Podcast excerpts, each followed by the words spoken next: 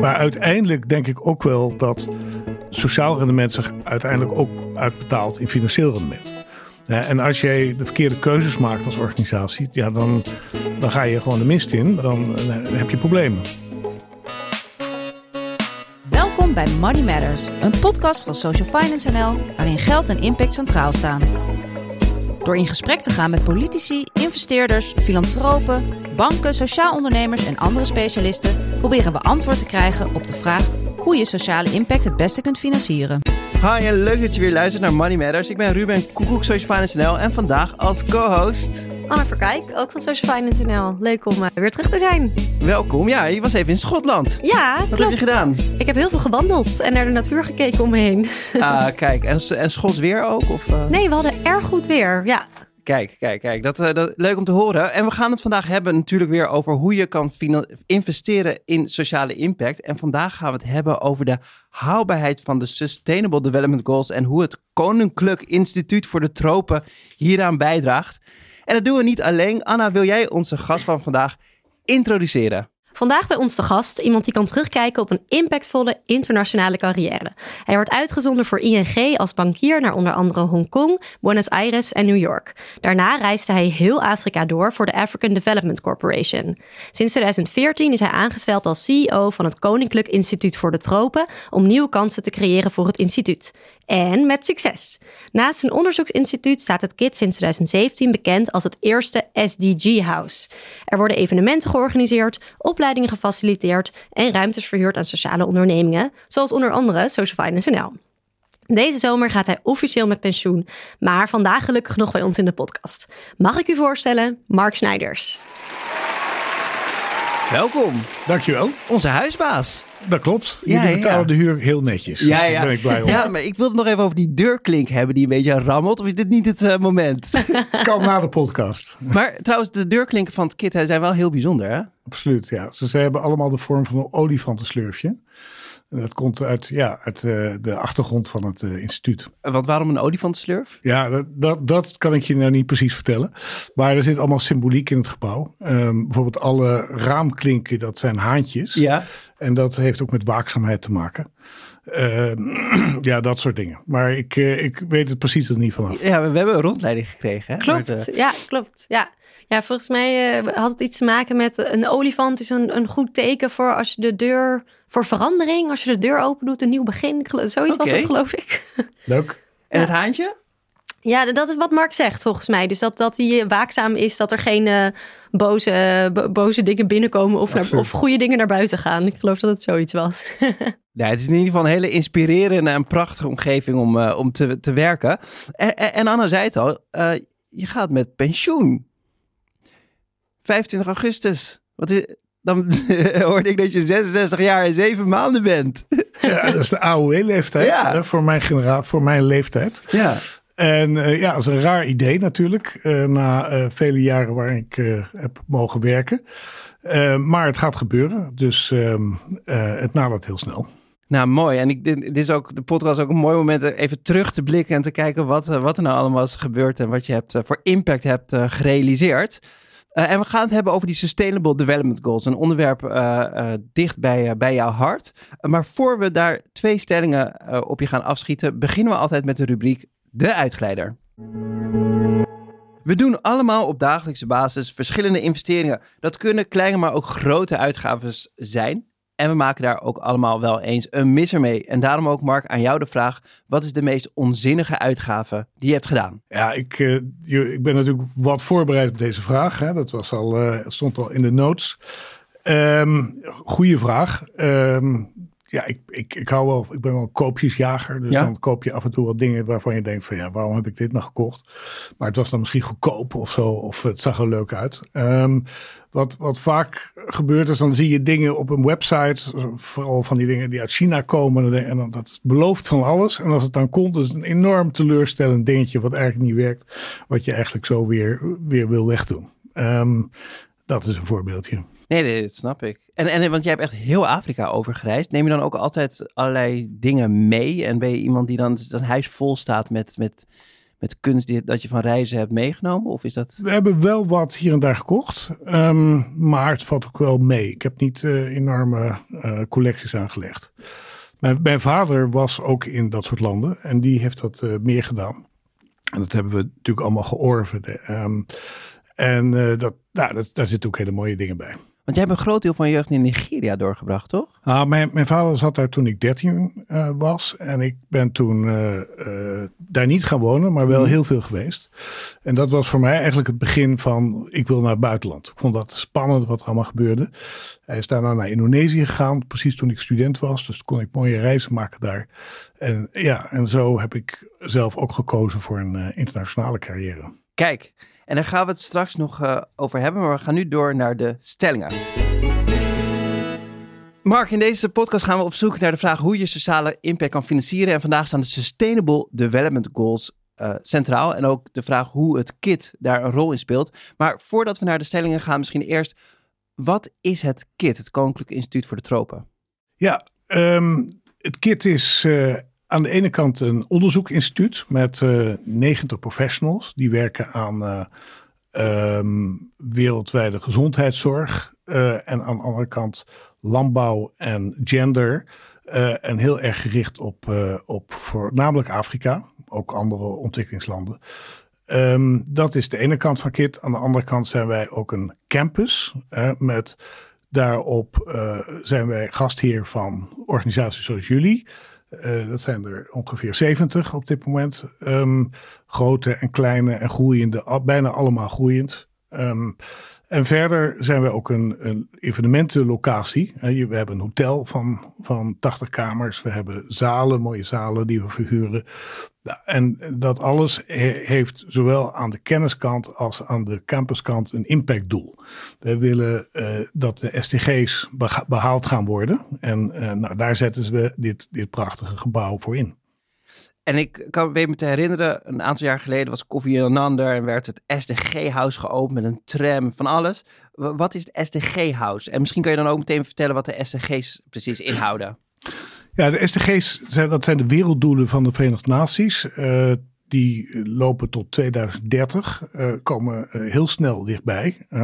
Het zijn 17 doelen die te maken hebben met sociale vooruitgang, met het milieu, uh, op allerlei vlakken. En ook economische uh, vooruitgang. Dus, en het, het, het, het, uh, het de slogan is eigenlijk Leave no one behind. Hè? Um, ze zijn zowel, gelden zowel voor de ontwikkel, zich ontwikkelende wereld als voor de ontwikkelde wereld. Wat eigenlijk nieuw is, want de voorganger, de Millennium Development Goals, waren gericht op de zich ontwikkelende landen. En ja, nu moeten wij in Nederland hier ook naar kijken.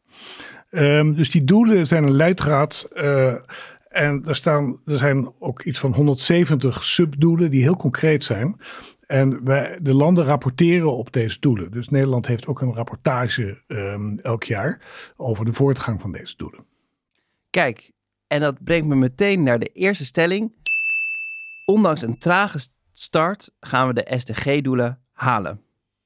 Dat de, vraag je aan mij. En uh, ik uh, denk dat we, uh, of we ze halen, dat hopen we natuurlijk allemaal.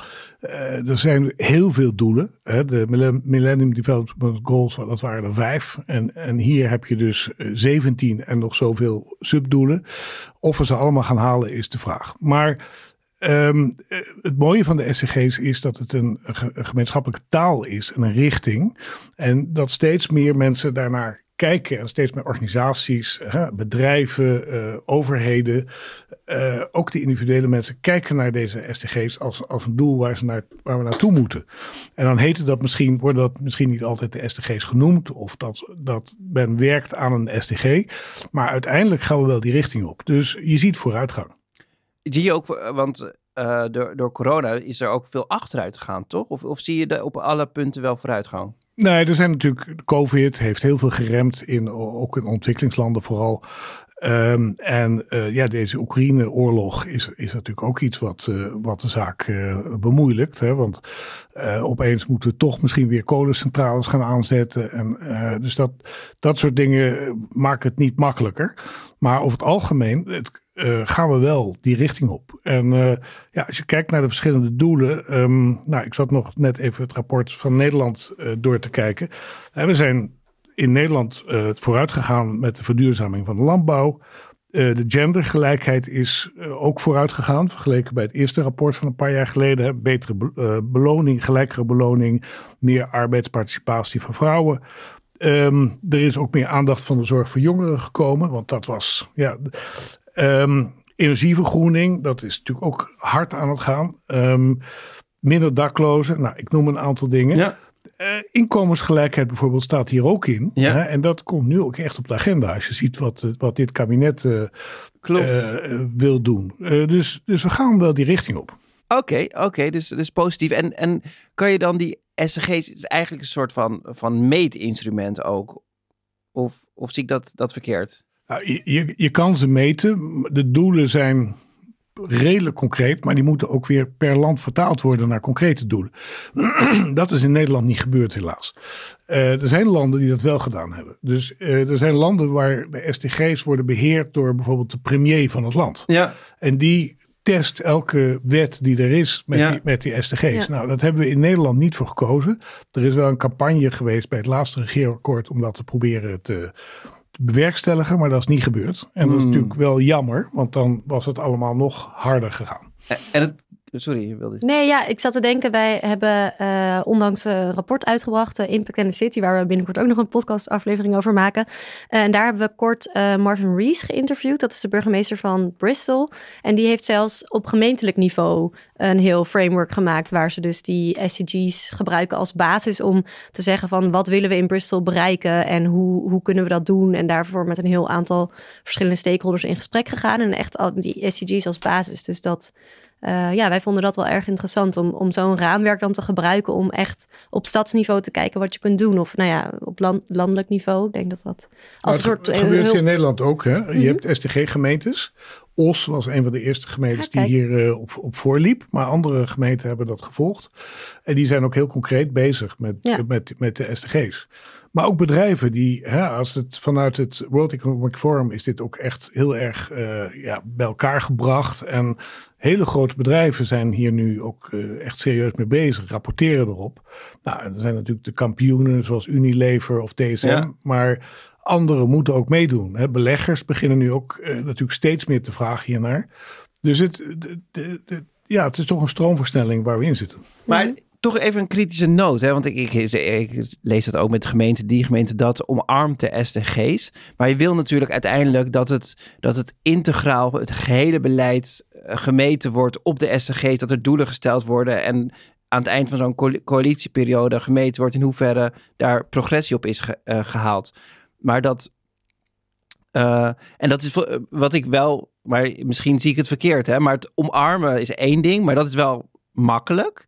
Maar het echt, het, het, je hele beleid uh, aan de meetlat van de SCG's uh, eh, ophangen, dat zie ik wel een stuk minder. Of zie, zie jij dat, en de, zeg maar, Bristol is daar leidend in, maar in mhm. Nederland kan ik niet een voorbeeld noemen waarvan het college zegt van, hé, hey, er zijn zoveel SDG's, deze hebben we uitgehaald, we staan nu hier en we komen daar en rekenen we over vier jaar maar af. Ja, nee, natuurlijk. Uh, dat, dat gebeurt uh, in meer of mindere mate. Hè? Ik noemde Olster, dat is wel een gemeente die daarin voorop liep. Uh, loopt. Ehm, maar uh, ja, natuurlijk, uh, het, het, is niet overal zo. Maar ik ben iemand van het glas is ja, half vol. Ja, ja, ja en er is altijd kritiek. maar ik, ik denk dat uiteindelijk toch die stroom en die richting. Nou ja, ik, ik zit nu acht jaar op deze stoel en ik vind dat er ongelooflijk veel veranderd is in Nederland. Ja. dat acht jaar geleden was, was dit echt niet zo op de agenda als het nu, nu is. Um, ja, dus ik, voor mij is het glas half vol. Ja. Voor jou ook? Ja, ik denk het wel, ja. ja. ja, ja maar ja, ja. En ik, ben, ik, ja, ik moet zeggen, ik ben wel kritisch. Want op de agenda staan is, is, is belangrijk.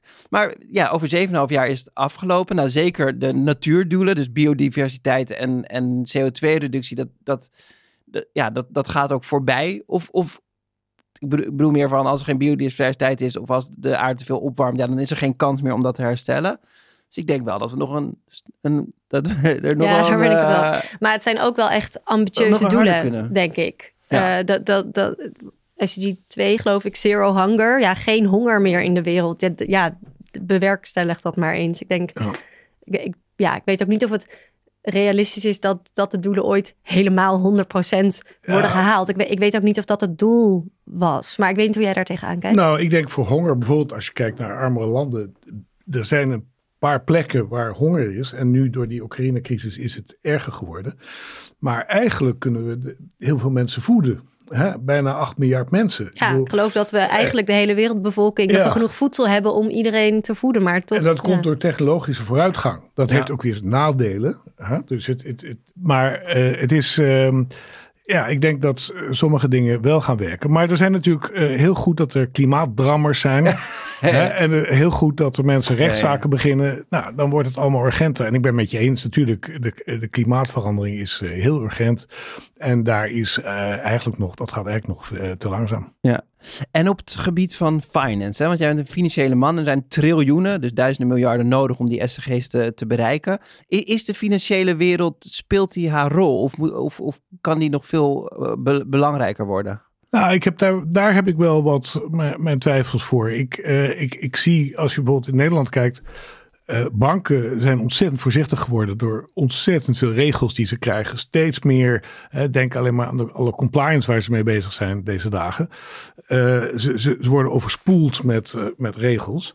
Ja, en dat maakt ze natuurlijk niet ondernemender. Dat, is, dat is wel een, een probleem, denk ik. Maar goed, banken zijn niet de enige vorm van finance. Er komt natuurlijk steeds meer uit kapitaalmarkten, uit privé-investeerders. En ik denk dat die ook wel steeds meer gemotiveerd zijn om bepaald rendement te krijgen. Impactrendement, wat niet alleen puur eh, financieel rendement is. Want jij hebt ehm, al redelijk vroeg in Afrika eh, met een private equity fonds ge- geïnvesteerd. Was je toen ook al bezig met van financieel en impactrendement? Of, of speelde dat toen nog minder? Nou, zeker wel. Want eh, heel veel van die Afrikaanse financiële instellingen die krijgen geld van ontwikkelingsbanken. En die stellen allemaal eisen. eh, en terecht. Hè, want voor hun geld, wat lang geld is, tegen lagere voorwaarden, tegen. Eh, willen zij bepaalde rendementen hebben op eh, sociale rendementen hebben. Eh, dat is aan de, zeg maar, aan de kant van degene die geld lenen aan dit soort instituties. Maar de klanten ook willen dit soort dingen. Want hè, de, grote massa in Afrika zit, is natuurlijk niet zo rijk als hier. Dus die hebben ook hulp nodig met hun dagelijks behoeften. Dus in de landen waar de banken best wel ontwikkeld of- meer ontwikkeld zijn, zoals bijvoorbeeld Kenia, dan gaan die banken gaan echt wel dieper naar kleine boeren en die nemen wel risico. Eh, en dat is heel goed te zien. Het is niet overal zo. Hè. Er zijn ook banken die heel lui zijn en die alleen maar staatsleningen eh, op hun balans nemen. Oké, maar in de, de financiële sector zeg je, die kan wel meer doen. Wat, voor, wat is een concrete kans die, die, die de financiële sector nog kan aanpakken? Ehm, nou ja, de financiële sector is natuurlijk heel breed. Hè? Dat is, eh, ja, ik, ik zou het niet direct weten. Er zijn heel veel kansen. Er zijn natuurlijk heel veel kansen voor, ook voor sociale ondernemingen. eh, die wat minder eh, rendement opleveren, maar wel eh, bepaalde impact ehm, produceren. Dat is natuurlijk best lastig hè, om dat te meten. Dat, dat, daar, ja, ik hoorde net het, de, het interview wat jullie hadden met Wouter Bos. De, de balans tussen impact en financieel rendement. Hoe meet je dat? Ja, Nou, daar zijn eh, boeken over geschreven en dat verandert constant. Eh, maar ja, dat, dat is. eh, maar uiteindelijk denk ik ook wel dat ehm, sociaal rendement zich uiteindelijk ook uitbetaalt in financieel rendement. En als jij de verkeerde keuzes maakt als organisatie, ja, dan, dan ga je gewoon de mist in dan, en dan, eh, dan eh, heb je problemen. Dus ik, ik, ik denk dat zowel de bedrijven als de financiële wereld die richting ook op gaat, omdat het gewoon niet anders kan. Want je gaf aan van er zijn nu zoveel regels en, en banken zijn zoveel bezig met compliance. Denk je dan ook dat we daar dat er, dat er minder regels moeten zijn? Of, of hoe denk je dat? Of, of denk je dat dat meer bij een verandering in de banken zelf ligt, in de cultuur? Eh, waar denk je dat dan een probleem, of het probleem, maar een oplossing zou kunnen liggen? De, de oplossing is er eigenlijk al aan het komen. er komen steeds andere soort van vormen van financiering. Er komen steeds meer fondsen, er komt Mhm. steeds meer privégeld, er komt steeds meer risicogeld. Dus de banken worden eigenlijk kleiner en, en steeds onbelangrijker eh, in, in het totaal van het, van het hele spel. Eh, ik ben natuurlijk, ja, ik kom nog uit de tijd van de grote Ja. banken.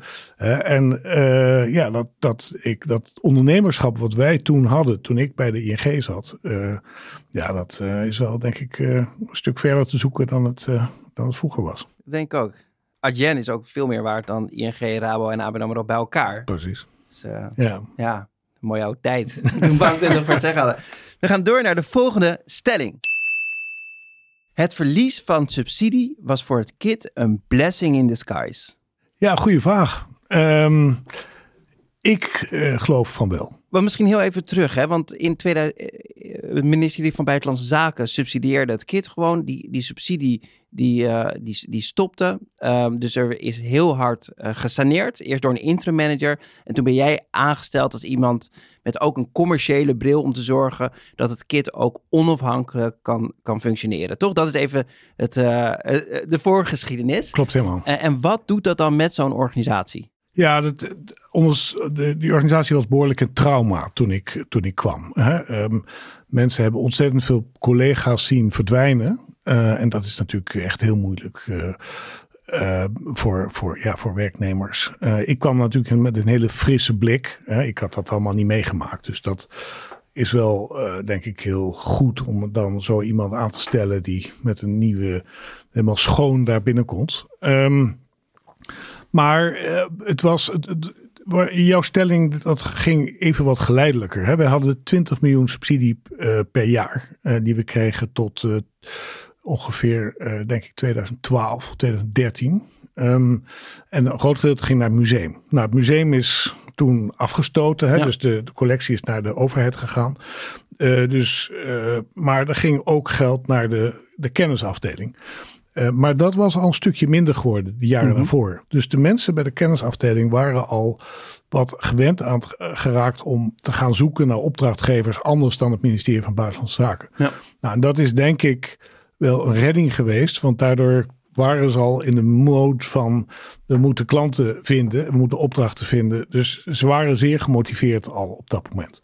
Alleen de manier van werken was denk ik wat minder georganiseerd dan we dat inmiddels wel hebben gedaan, zeg maar. Dus, dus de, de, de basis zat erin van we willen als kennisinstituut uh, overleven. We zijn heel goed, wij, wij kunnen erg veel. Hè, dus we kunnen ook opdrachten binnenhalen van andere opdrachtgevers. Dus dat was aan de kenniskant.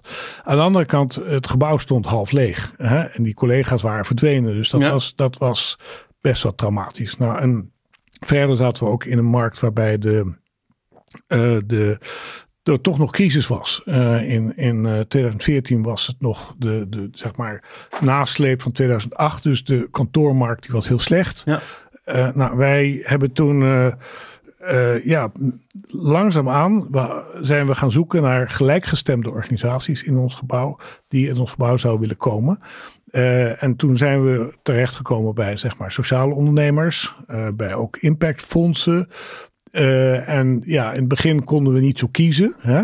Maar wat het leuke was, er kwam er eentje binnen en die zei: Nou, we hebben nog wel twee, drie andere. Mogen die ook binnenkomen? Nou, en zo ging dat, kwam dat in een stroomverstelling terecht. En uh, na, denk ik, twee, drie jaar begonnen we best wel vol te lopen. Uh, en we hebben eigenlijk iets van vier jaar hebben we nu een soort van wachtlijst van mogen we erin. Um, nou, dat, dat is denk ik wel echt een omslag geweest.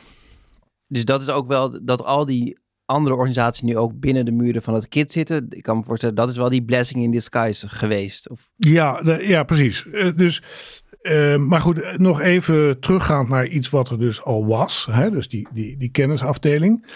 Was het een blessing of uh, in disguise dat we opeens die subsidie kwijtraakten en dat ja. mensen anders moesten gaan acteren? Nou, ik geloof van wel. Ik weet niet of al mijn collega's het mm. met me eens zijn. Maar ik denk wel dat we daardoor gedwongen werden om steeds relevanter te zijn. En iets te produceren voor, voor klanten die, dat, die specifiek iets wilden.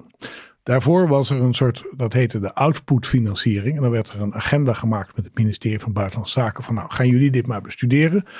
En aan het eind van het jaar werd er gekeken wat er dan gemaakt was.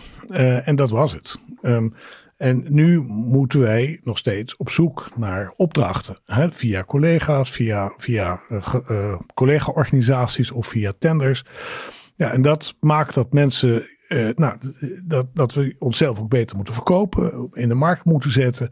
En wat we maken, dat moet natuurlijk toch getest worden of het goed is of niet. En daar komen we heel goed uit hoor. Ik was benieuwd, uh, als je kijkt naar, naar, terugkijkt op je carrière en ook de ervaring die je hebt meegenomen naar het KIT. Wat is dan de belangrijkste verandering? Want ik, ik, je, volgens mij, eh, of je geeft al aan dat die ondernemende geest is heel belangrijk. Denk je dat dat dan een van de belangrijkste dingen is die je, die je mee hebt genomen naar het kit toe? Of, of hoe, wat, hoe zie je dat zelf? Ja, ik denk het wel.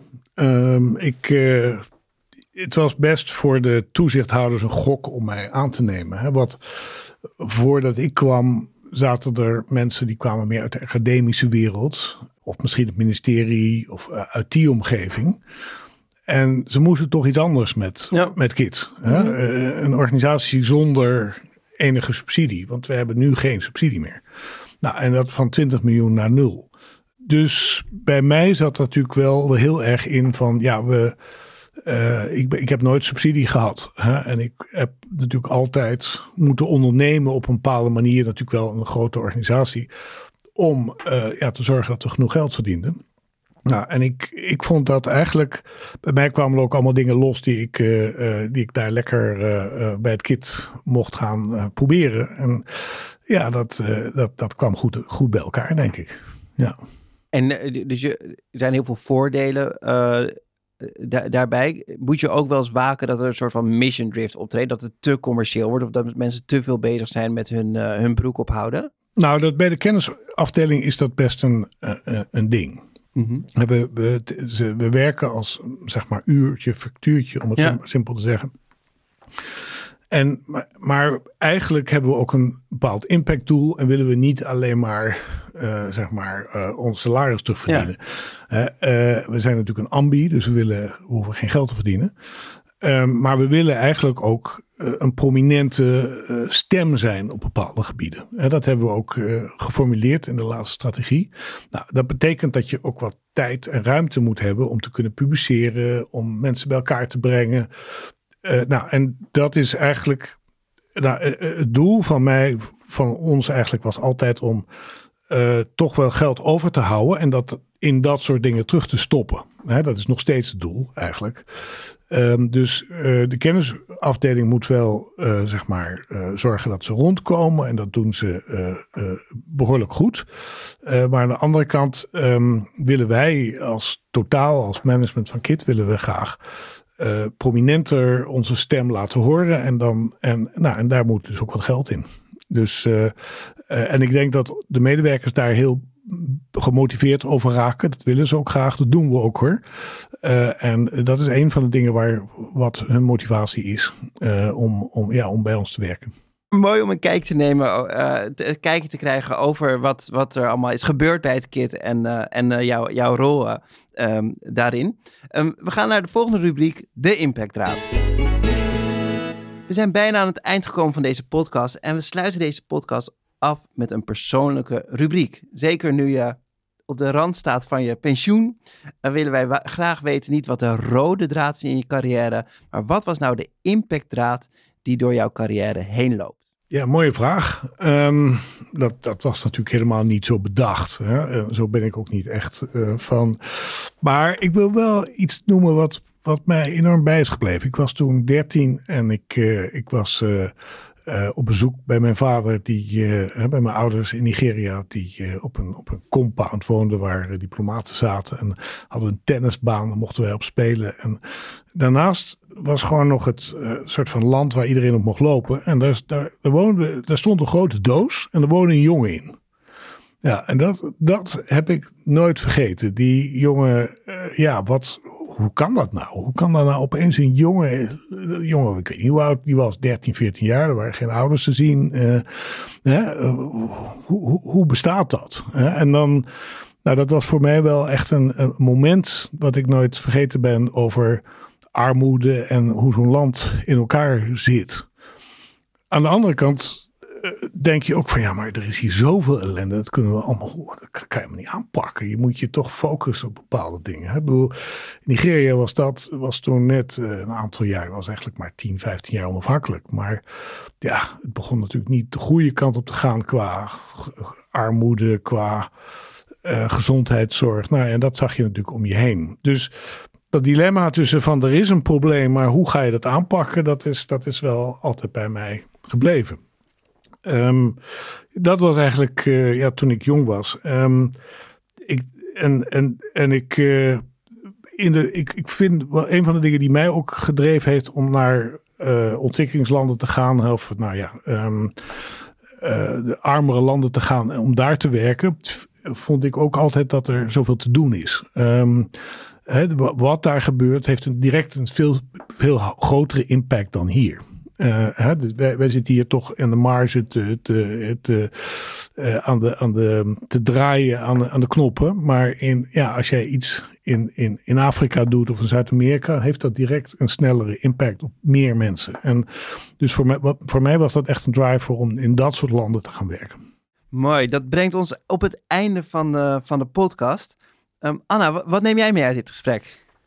Nou, ik, ik vind het mooi om, om te zien, of tenminste om, uh, dus, dus wat je zegt, die, die ondernemende geest, dat je, uh, nou ja, dat je toch een frisse blik blijft houden, uh, dat dat belangrijk is en dat dat ook veel nieuwe kansen kan brengen, eigenlijk op elk gebied. Dat vind ik wel, wel, wel mooi om mee te nemen. Dat je dus, nou ja, dat als je maar actief, een actieve houding hebt en probeert om elke keer ergens met een nieuwe blik tegenaan te kijken, dat je dan nou, toch een hele hoop impact kan maken. Nou, mooi. En, en we, we zijn je niet kwijt in de impactwereld. Hè? Volgens mij, want je doet nog tal van stichtingen en besturen. Dus ik neem aan dat je nog uh, volop actief blijft in het wereldje. Ook als je de pensioengerechtigde leeftijd hebt bereikt. Ja, ik, ik hoop het wel. Ik, uh, inderdaad, ik heb een aantal uh, besturen en dat, die hebben wel allemaal te maken met, met dit onderwerp. Dus, ehm, dus misschien is er nog wel meer te doen. misschien heb jij nog wel een baantje voor mij straks, Ruben. nou, er zijn vacatures vrij op socialfinance.nl. Dus... Dankjewel uh, Mark voor het uh, inspirerende gesprek. Ook uh, dank voor ABN AMRO en het Oranje Fonds voor het mede mogelijk maken voor de podcast. Productie, Spraakmaker Media, redactie, Daphne Splegger en Nina Berkelo. En laat een review achter op Spotify of de Apple Podcast. Of ga naar onze website www.sofin.nl. Dankjewel.